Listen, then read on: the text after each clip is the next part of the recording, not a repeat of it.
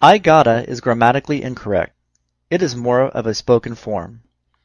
If you want to say this with proper grammar, the equivalent would be I have got to or I've got to.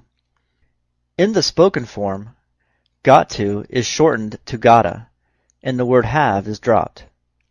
Here are some examples. I gotta manage my money. I gotta obey the laws.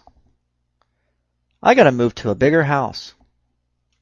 I gotta impress my boss. I gotta brush my teeth. By adding the word have, you can change what you're saying to express something that needs to be done in the near future.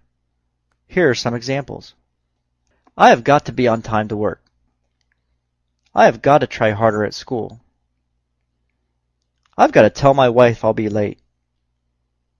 I've got to learn more about the laws. I've got to clean my house today.